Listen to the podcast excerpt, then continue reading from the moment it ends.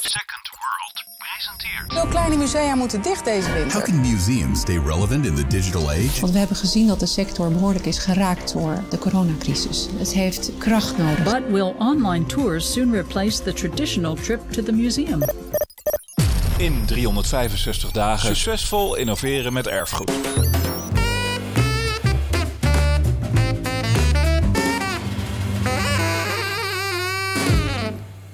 Welkom. Je luistert naar alweer de vijfde aflevering van de podcast in 365 dagen succesvol innoveren met erfgoed. Vandaag vanaf het landgoed De Horst in Driebergen. De vraag is wel, hoe ziet die toekomst van herdenken eruit? Het is echt belangrijk na te denken nu de oudste generatie verdwijnt en de actualiteit zich iedere keer maar weer opdringt. Hoe zorg je ervoor dat je het belang van herdenken en de vorm dus waarin je herdenkt, dat je die toekomstbestendig maakt en duurzaam maakt? Mijn naam is Elle van Dalen en deze podcast is een initiatief van SMH 4045. Een netwerkorganisatie die de belangen behartigt van 15 verschillende musea en herinneringscentra rondom de Tweede Wereldoorlog en de korte periode erna. SMH doet zelf ook volop mee aan een innovatietraject. Second World heet het en ik ben daar de projectleider van. We delen de kennis en ervaring die we opdoen graag via deze podcast. En in deze aflevering draait het om community learning. Je laten adviseren door ervaringsdeskundigen of samen creëren met je publiek. Hoe doe je dat? En wat voor extra's levert het je op? Daarover hebben we het in deze aflevering.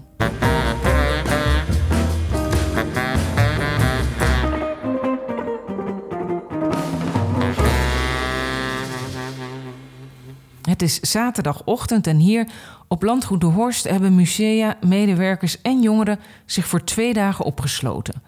De groep jongeren, zo'n 20 man en de meeste begin 20, zijn vooral aan zet. Ze proberen antwoord te geven op de vraag: wat zijn nou interessante verhalen of vertelvormen om ons te laten interesseren in de Tweede Wereldoorlog? De jongeren komen uit alle uithoeken van Nederland en hebben zich vrijwillig aangemeld naar een oproep van ons op sociale media. Onze verslaggever Paul van der Ham is nieuwsgierig naar hun motivatie. Um, ik ben Lisanne. Ik uh, ben 22 jaar. Ik ben Laurens en uh, ik studeer geschiedenis in het dagelijks leven. Nou, ik ben Sira. Ik ben hierbij gekomen door een uh, reclame op Instagram. Ik heb zelf heel veel met ontwerpen en zeker ook gericht op maatschappelijke vraagstukken. ik ben Stef Koenen. Ik kom uit Oefeld in Noord-Brabant. Ik doe mee omdat ik veel met geschiedenis bezig ben als jonge historicus van het jaar. Ik ben uh, Erva, 20 jaar. Ik woon in uh, Amsterdam. Doe docentopleiding maatschappijleer. Ik ben uh, Kinke. Ik kom uit Meppel. En ik doe mee omdat ik het door heb gekregen via mijn scouting oude begeleider. Die mij ook geholpen heeft toen ik in 2020 op de Dam stond. Voor de herdenking op 4 mei. Als enige twee scouts met mijn broer. Ik heb altijd al iets willen doen met herdenken. Omdat het voor mij ook, toch belangrijk is. Ik heb het van thuis uit meegekregen. En merk dat het met de jaren meer impact op me maakt. Het is ook gewoon oprecht, uh, ja, eigenlijk de belediging dat mensen veel minder interesse hebben in de Tweede Wereldoorlog. Want je kon bijna niet weigeren toen ze dit vroeg aan je. Eigenlijk niet. Het past heel erg bij wie ik ben als mens, maar ook gewoon mijn rol als docent. En mijn overgrootmoeder die, uh, heeft verzetswerk gedaan. Uh, dat wist ik wel. Uh, ik wist het fijne er alleen helemaal niet van. En daar ben ik nu ingedoken. En er komen best wel wat interessante verhalen naar boven. Wat een mooie groep. Dat belooft nog wat voor dit weekend. De organisator van deze hackathon is onderwijskundige Itske Bakker. En ze is hier aangeschoven. Itske, hoe zou jij nou dat begrip learning community omschrijven? Een learning community is een, een gemeenschap van lerenden, waarin mensen van en met elkaar leren. Dus zowel van elkaars expertise, als ook dat ze met elkaar kennis creëren. Doordat ze dingen bij elkaar brengen die voor alle partijen nieuw zijn. En wat hier gebeurt in de pilot co-creatie is eigenlijk niet zozeer een learning community. Um, wel in de voorbereiding, dus in de stuurgroep die deze hackathon heeft voorbereid, daar spreek je van het begin van een learning community. Met vertegenwoordigers van een aantal organisaties en ook jongeren. Die gaan nadenken over waar gaan we het over hebben? Hoe moeten we dat aanvliegen? Wat komt erbij kijken? Wat vinden wij eigenlijk? Zoals gezegd was Paul van Ham vanmorgen al heel vroeg bij de start van de hackathon hier op Landgoed de Horst. We gaan eventjes kijken hoe dat eraan toe ging. Ja, hallo Ellen. Ehm, ik sta hier in de landkamer, midden in de bossen van Driebergen. Waar de vogels buiten vrolijk fluiten, dat is echt opvallend. En net zo vrolijk zie ik ook alle jongeren hier vanmorgen aankomen. Met hun koffers naar hun slaap vertrekken. Want ze blijven hier vrijwillig een heel weekend om samen aan de slag te gaan. Eh, wat heb jij hier bij je? Ik heb de grondwet van het Koninkrijk der Nederlanden bij me. Heb ik bijna altijd eh, mee in mijn tas. En waarom heb je dit altijd bij je? Ja, het klinkt misschien heel cliché als mensen elke keer zeggen van... ik heb een sterk onrechtvaardigheidsgevoel, dat heb ik ook. Dus ik hoor daar ook bij. Maar het is ook gewoon dat ik het heel erg ja, mooi vind dat je gewoon zoveel rechten hebt. En heel veel mensen kennen dat niet. Ik denk niet dat dat ooit zal gebeuren. Maar mocht ik een keer gearresteerd worden, kan ik altijd artikel denk 17 uit mijn hoofd lezen. En zeggen van niemand mag tegen zoveel in van de rechtspraak zeg maar, afgehouden worden. Het is nu zaterdagmorgen en de groep jongeren die is hier voor het eerst bij elkaar in het landhuis. En stellen vragen aan een aantal sprekers. Ik ben vorige maand geweest. Oh, oké. dat was heel recent. Uh, en wat vond je ervan? De plek zelf vond ik wel indrukwekkend. Het was meer, ik wilde een keer naar de plek zelf toe. Ja, en nu zijn ze met elkaar aan de slag gegaan met een opdracht in kleine groepen. Want echte goede ideeën bestaan vaak als je niet alleen maar denkt binnen het kader van bijvoorbeeld in dit geval de Tweede Wereldoorlog, maar als je nieuwe dingen met elkaar gaat, aan elkaar gaat koppelen. Want dan ga je dus echt buiten het boekje denken. Tijdens de eerste opdracht gaan ze aan de slag met het maken van een associatieboom en een woordopdracht. Dan filosofie naar denken, ehm, verbindingen, ehm, ja, en uiteindelijk naar samenwerken en waarde creëren. Ja, ook, ook vrij diep. Ja. Ja, je bent vrij diep gegaan. En hoe vind je het tot nu toe? Ja, echt ontzettend leuk. Vooral brainstormen. Dan, eh, in het begin moet het allemaal een beetje op gang komen. En dan begin je met, eh, met woordassociatie. En eh, daarna komen echt gewoon ideeën op gang. En dan heb je het met elkaar over. En dat leidt weer tot nieuwe ideeën. Dus ja, heel leuk. Nou, dat begint hier al goed. Ik ben heel benieuwd naar welke concepten dit zo gaat, gaat opleveren. Je hoort straks meer van me. Straks hoor je wat de eerste resultaten zijn en geeft SMH-directeur Annette Schout haar reactie hierop. Een van de partners van SMH 4045 is de Anne Frank Stichting. Ze zijn al een tijdje bezig met een jongerenteam. En in 2020 was Valerie van Diepen een van hen. En nu is ze projectassistent van het jongerenteam. Valerie, welkom. Wat heb jij nou vooral geleerd in die periode toen je deel uitmaakte van het jongerenteam? Ja, dit was gewoon een ontzettende leuke kans om uh, en andere mensen te ontmoeten en over deze thema's te praten. En het was heel erg um, interessant om te zien dat mensen vanuit het he hele het land uh, toch zoveel verschillende opinies hebben, ondanks het gewoon jonge mensen zijn en je je misschien herkent uh, in de ander, maar toch hele andere meningen of uh, ervaringen hebben op het gebied van ja, nare opmerkingen of lastige situaties waar ze in terecht zijn gekomen. Wat hoopt de Anne Frank Stichting nou eigenlijk te bereiken met dit team? Nou, elk, uh, elke jongere gaat zich focussen op een project gedurende het programma, um, waarmee ze hopen zoveel mogelijk mensen te bereiken. Um, het project uh, mogen ze zelf bepalen. En dit kan heel kleinschalig, maar ook grootschalig. Het is maar net wat, uh, wat de jongeren zelf aangeven dat ze aankunnen. Het doel is uh, iets op te zetten wat ze nog nooit hebben gedaan. Uh, focus op een thema, op een, een moeilijke kwestie. En ja, dat uit te leggen aan zoveel mogelijk mensen. Heb jij ook goede tips voor instellingen die ook met jongere communities aan de slag zouden willen? Ik zou zeggen, maak het heel erg persoonlijk. Als iemand zich heel goed kan verplaatsen in um, de activiteiten of echt ziet dat hij er iets uit kan halen, dan motiveert dat gewoon ontzettend. Dus maak het niet moeilijker dan het is en uh, zorg ervoor dat ja, op persoonlijk vlak iemand echt zegt: Oh, hier herken ik me in, of dat is een leuke bezigheid om te doen. En biedt daarna de jongeren ook kansen om verder te gaan. Het betekent niet dat ze dat ook moeten doen, maar ja, zaad het plantje in hun hoofd en dan hopelijk uh, blijven ze dan betrokken. Misschien niet meteen, maar soms komen ze dan ook later terug. Even terug naar jou, Itske Bakker. Waar liep jij nou tegenaan bij het organiseren van deze hackathon? Waar ik als projectleider tegenaan loop, bijvoorbeeld al in een stuurgroep waarin vertegenwoordigers van de organisatie zitten en de jongeren, is dat organisaties die hier aan mee willen doen uh, heel graag willen innoveren. En tegelijkertijd hebben ze te maken met uh, een context en voorwaarden die voor anderen ook weer bemoeilijkt. Um, terwijl een hackathon juist vraagt om een hele open blik en, uh, en echt ruimte geeft aan de doelgroep, aan de jongeren, om met hele nieuwe ideeën te komen. Het, het belangrijkste voor mij was om die kaders zo ruim mogelijk te houden. Om te zorgen dat, uh, dat uh, de ontwerpvragen die uiteindelijk hier nu voor liggen, niet al te dicht getimmerd waren en te, te narrow waren. Omdat dat uh, voor de organisaties wellicht hanteerbaarder zou voelen. Waarom is het volgens jou nou zo belangrijk dat de sector met uh, community learning aan de slag gaat? Omdat je medewerkers van uit alle lagen van de organisatie kan betrekken en ook de kennis die er is um, en de ideeën die er zijn, echt inzet breed. Je maakt mensen eigenaar van wat er uiteindelijk uitkomt. Dat is ook heel belangrijk. Hè? Om een, een, veranderproject wil je toch ook dat mensen uiteindelijk daarin doorgaan en er allemaal achter staan. Uh, dus dat eigenaarschap staat heel erg centraal. En het, het, het inzetten van de kennis die er is. Community learning is in opkomst en op verschillende manieren is de culturele sector er eigenlijk al mee bezig met het betrekken van diverse groepen publiek of experts bij het maken van tentoonstellingen of voorstellingen. Publiek waarvan veel musea wel eens geneigd zijn ze over het hoofd te zien.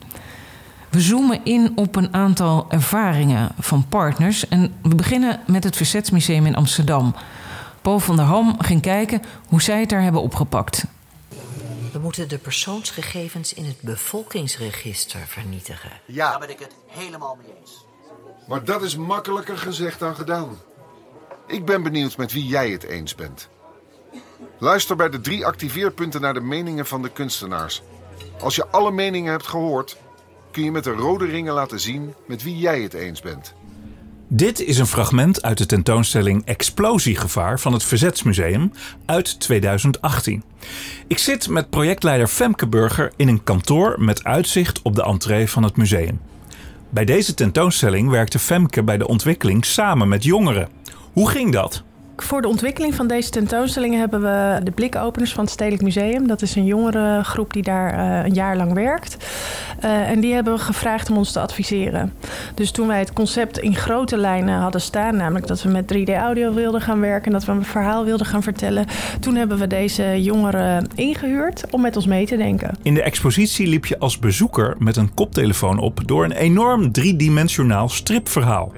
Zes van de hoofdrolspelers van de aanslag werden gevolgd en je werd als bezoeker meegenomen in hun dilemma's. Hoe heeft ze zelf de samenwerking met de jongeren ervaren? Wat ik erg leuk vond en waar ik nog ook goede herinneringen aan heb, is dat er één kamer, daar uh, zouden we het verhaal van de aanslag gaan vertellen. Uh, dus dat moest een spannende ruimte worden. En dan merk je uh, dat wij als, historici, als historisch museum daar toch een beetje terughoudend in zijn. En niet te veel drama. En, en dat de jongeren naar het, de eerste versie van het audiofragment van die ruimte luisterden. En die dachten echt. Jezus, wat saai.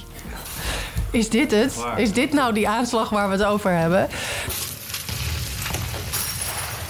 Om 9 minuten over 11 komt de eerste brandmelding binnen bij de brandweer. Twee wagens rukken uit.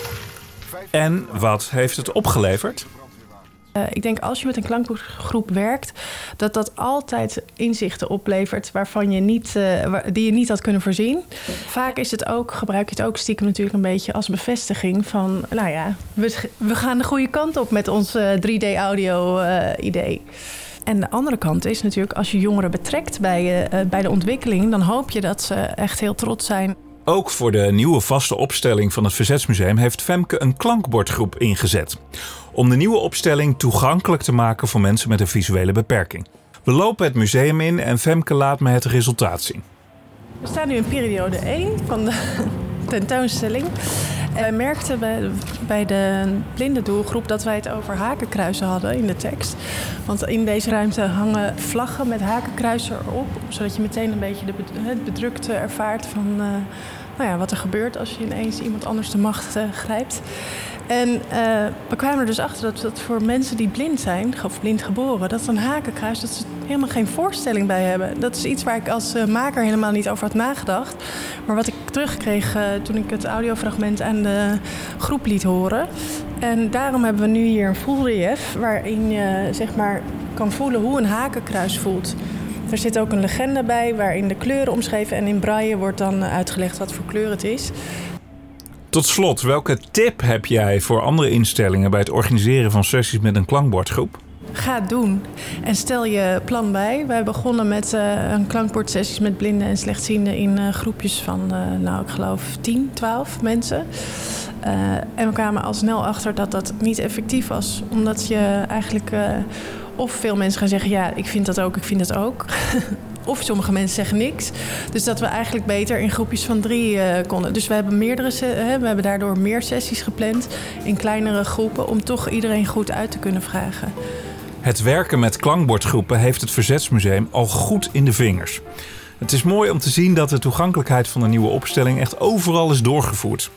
Dat roept bij mij ook de vraag op of je vanuit zo'n ervaring ook nog een stap verder kunt gaan in het samenwerken met je publiek. Ook Theater naar de Dam betrekt jongeren bij het tot stand komen van hun producties. De organisatie organiseert kort na de dodenherdenking op 4 mei door het hele land theatervoorstellingen. En al vanaf het begin betrekken ze daar het publiek bij, jong en oud. Eerder vandaag sprak artistiek leider Jair Stranders de deelnemers van deze hackathon toe. En Jair, als het goed is, kunnen we jou verstaan. Ik hoop het wel. En ik heb jou gevraagd om wat te vertellen, omdat jullie al heel veel ervaring hebben met het werken met jongeren de afgelopen jaren. Welkom hier aan tafel, Jair. Kun je eens uitleggen hoe jullie dit aanpakken? We hebben ieder jaar een editie waar we naartoe werken. Ieder jaar is op 4 mei en rond 4 mei en 5 mei de theatermanifestatie. En als team hebben we heel veel gesprekken. We zijn ook veel met het herdenkingsveld in gesprek. Dus dat is, gaat over herdenkingsinstellingen, musea. Uh, dus mensen die er ook mee bezig zijn. Maar we zijn ook uh, veel in gesprek uh, met mensen die nog verhalen vertellen over de Tweede Wereldoorlog. Of mensen die, ook jonge mensen, die zich afvragen wat zij nog moeten met die Tweede Wereldoorlog. En dat gaat ook door, door het jaar heen. En bij de projecten die we met jongeren maken, dat zijn ook voorstellingen, die noemen we de jongerenprojecten. Dat zijn er inmiddels 40 door heel het land daar ben je ook in gesprek met jongeren. Daar zijn de makers ook in gesprek met jongeren. En ze verhouden zich daar tot de geschiedenis van de Tweede Wereldoorlog. Onder andere door middel van uh, gesprekken met ouderen die de oorlog hebben meegemaakt als, als jong iemand. Maar in die gesprekken en in dat maakproces komt ook weer naar, naar, naar voren wat jongeren nu belangrijk vinden, hoe zij nu naar die geschiedenis kijken, waar er misschien weinig aandacht voor is. Al die dingen die komen niet gestructureerd, maar toch wel samen bij ons. En ons bedoelen dan het kernteam. En dat nemen we elke keer weer mee in onze gesprekken. En als we dan een editie achter de rug hebben, dan kijken we natuurlijk ook: zijn er dingen waar er te weinig aandacht voor is geweest? Hebben we blinde vlekken? Uh, of, uh, hoe zouden we op een andere manier weer kunnen kijken naar de volgende manifestatie? Waarin we die dingen die we hebben gehoord, van wat er nu in de samenleving speelt, hoe kunnen we die weer een plek geven? Jullie zijn uh, zo te horen al echt een paar stappen verder. En uh, we hoorden je net ook die boodschap uh, geven aan de jongeren. Wat wilde je nou vooral overbrengen aan hen en waarom? Ik heb, ik heb nog niet zo heel, heel concreet gezegd.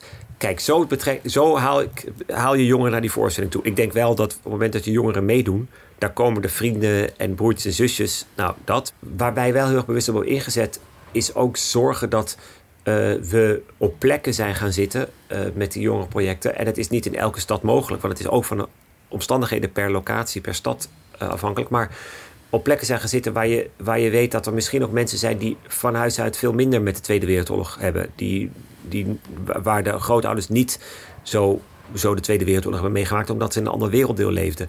En als je op die plekken gaat zitten, dat vinden wij interessant, omdat dan probeer je nog steeds te hebben over de Tweede Wereldoorlog.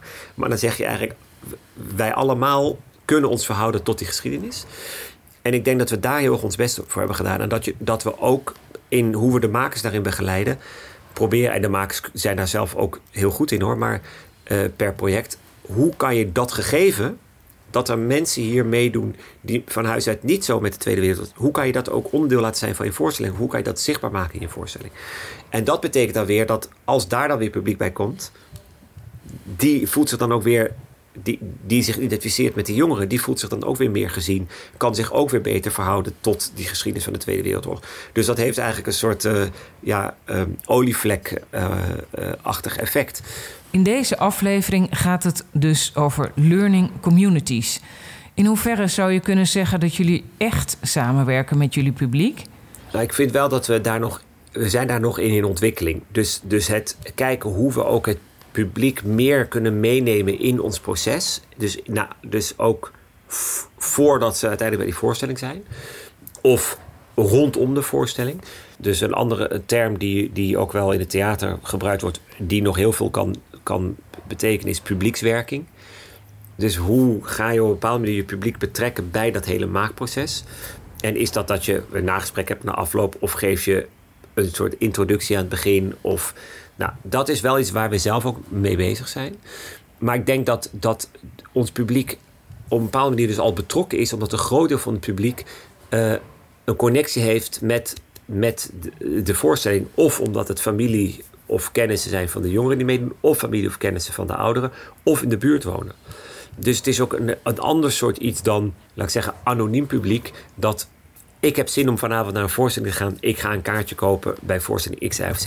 Er is een andere relatie tot dat wat daar gepresenteerd wordt. Dus op die, eigenlijk zou je kunnen zeggen, het publiek is al betrokken door, door hun relatie met, de, de, met het geheel. Maar we zijn hier wel ook in, in aan het zoeken hoe we dat nog meer kunnen uh, faciliteren. Bedankt, Jair. Nog een instelling die ervaring heeft met een uh, klankbordgroep is het Vrijheidsmuseum in Groesbeek. En we hebben hier contact nu met conservator Renze Havinga met een, via een online verbinding. Welkom Renze. Uh, kunnen jullie vertellen hoe jullie dat hebben aangepakt? Uh, de tentoonstelling die we in 2019 hebben gemaakt, daar hebben we met een klankbordgroep gewerkt. Dat ging om de vaste tentoonstelling van het museum. Uh, wij gingen ons hele museum vernieuwen, een nieuw gebouw, nieuwe tentoonstelling, nieuwe naam zelfs, van het Bevrijdingsmuseum naar Vrijheidsmuseum. En een van onze belangrijkste doelen was multiperspectiviteit. Buiten je eigen perspectief kijken, buiten je eigen blik. Uh, niet alleen maar verhalen vanuit mannelijk perspectief, niet alleen maar verhalen vanuit wit perspectief en niet alleen maar verhalen vanuit Nederlands perspectief.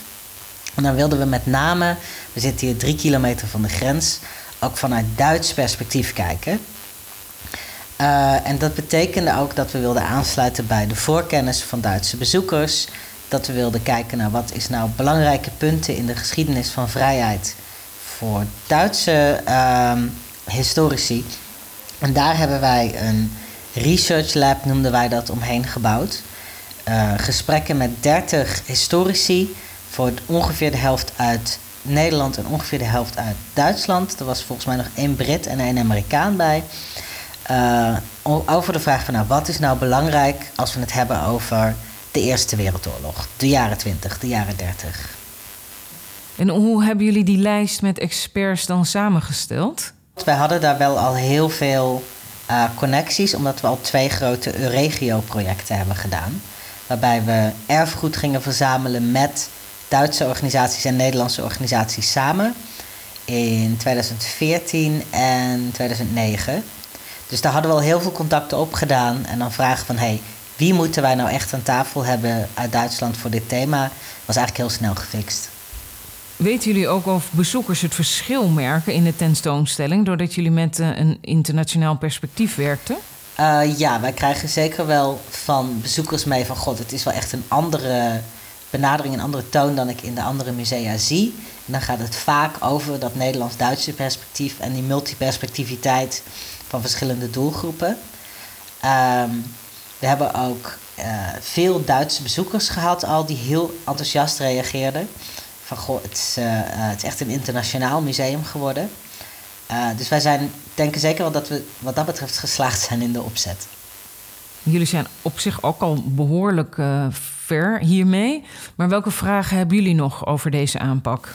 We willen onder andere meer kijken naar toegankelijkheid voor verschillende doelgroepen mensen met een beperking.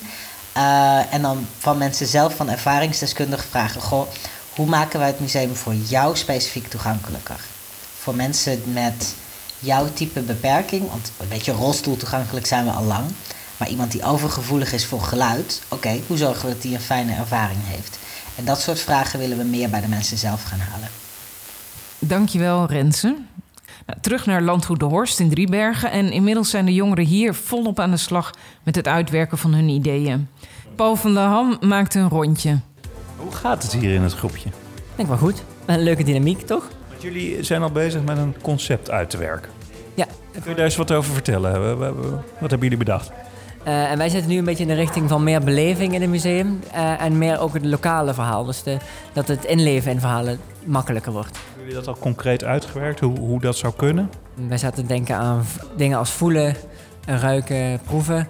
Uh, maar ook bijvoorbeeld een soort interactieve kaart waarop je naar een bepaalde plek kunt gaan en daar een, dat daar een verhaal of een filmpje of een foto op popt. Ik denk wel dat wij een hele mooie manier kunnen vinden um, om, om het voor deze tijd weer passend te maken om naar een museum te gaan modernere manieren zijn om hetzelfde verhaal te vertellen. Vaak uh, merk ik dan als je een interactief iets hebt, dat dat heel erg tot de verbeelding spreekt. Of dat je dan heel erg uh, wordt meegenomen daarin. Bijvoorbeeld als er een verhaal wordt verteld, dat er dan een hologram is, dat die, die dan echt zijn verhaal vertelt. Heel veel mensen gaan niet standaard naar een museum dat misschien ook uh, buiten het museum meer aandacht aan moet worden besteed. Door bij wandelroutes van uh, informatieborden wat daar is gebeurd. En dan ook proberen die ook interactief te houden. Maar als alles alleen maar wordt voorgekoud aan leerlingen, dan, dan denk ik dat dat de verkeerde kant op gaat. Tot een bepaald punt vind ik het inderdaad goed dat gewoon heel erg wordt meegedacht van dit is jullie belevingswereld en filmpjes. Maar ik denk juist dat musea ook een soort van out of je comfortzone moeten zijn.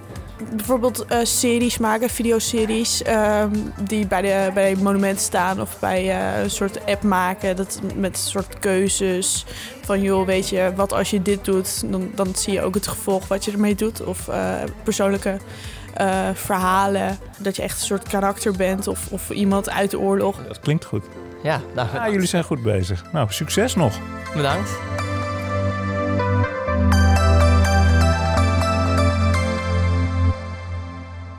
Femke Burger van het Verzetsmuseum in Amsterdam heeft net alle plannen bekeken. Paul van der Ham vroeg wat haar opviel. Wat ik zo opvallend vond, is dat ook deze jongeren eigenlijk allemaal wel een beetje meer spektakel willen. Die zijn toch, uh, uh, ja. Een Netflix-generatie. Ja, ik weet niet of het Netflix is, maar in ieder geval ze zijn op zoek naar een beleving. En uh, dat merkt je. Ergens, ergens, weet je dat wel, maar toch verrast dat. Ja, nou ja, het is inderdaad heel goed om dat nog weer eventjes scherp te hebben. en dat maakt het soms ook makkelijker als je het van de doelgroep hoort, om dat vervolgens in het museum, dus met de conservator en de directeur, nou ja, om dat toch aan te kunnen passen. Terwijl de jongeren nog een paar uur te gaan hebben, maak ik alvast de balans op met Annette Schout, directeur van SMH 4045. Annette, wat is nou jouw eerste indruk? Wat valt jou op aan de ideeën van de jongeren dit weekend? Nou ja, dat ze echt uh, eager zijn om, uh, om het stokje over te nemen. Zo kan je het bijna zien. Kijk, op dit moment is het uh, stokje vooral in handen van de, de, sector zelf. En de meeste daarvan leidingen. We zijn een beetje oudere leeftijd dan deze generatie. En um, daar heb je soms het beeld, het is heel moeilijk de jeugd te bereiken. Hè? Maar als je ze een keer bereikt en binnen hebt, ja, eigenlijk blijkbaar is het een soort mismatch. Want ze zijn er wel, de jongeren die heel graag willen en die ook een idee hebben en die betrokken zijn bij het onderwerp. En uh, zo moeilijk is het niet ze te vinden. En we hebben ze hier nu. En um, ja, dan gaat het erom dat wij van hun kunnen leren van wat gaat er in jongeren om? Wanneer werkt dit? Wanneer is het voor hun aantrekkelijk? Uh, welke thema's uh, raken hun en, en waarom raakt het hun? En ja, het is, het is eerder andersom. Wij leren van hen. Wat hoop jij nou dat deze hackathon oplevert voor de sector? Nou, wat ik merk is alleen al door de manier, zij zijn niet alleen adviseurs, want dat is wat we als sector vaak doen. Hè. We zijn.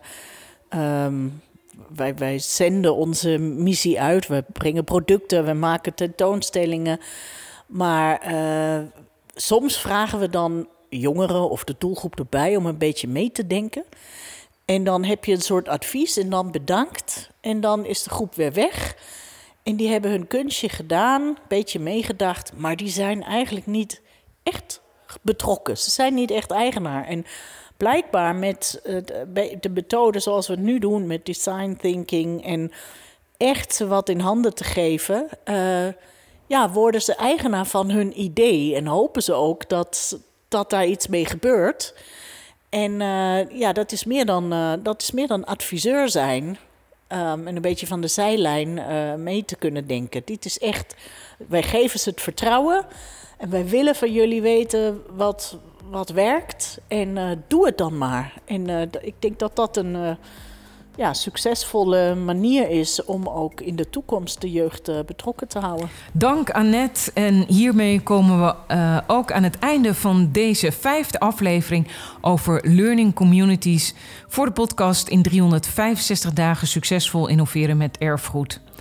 Een podcast van SMA 4045 gemaakt met steun van Innovatielabs om kennis te delen rond het eigen innovatietraject Second World. Ik wil alle gasten die gesproken hebben en eh, verslaggever Paul van der Ham bedanken. En jullie ook voor het luisteren. Vond je deze podcast interessant? Like hem dan op je favoriete podcastplatform en abonneer je op deze podcast. Dan mis je geen enkele aflevering. Als je wilt dat meer mensen deze podcast horen, geef dan een recensie. Dat maakt hem beter vindbaar. Dankjewel.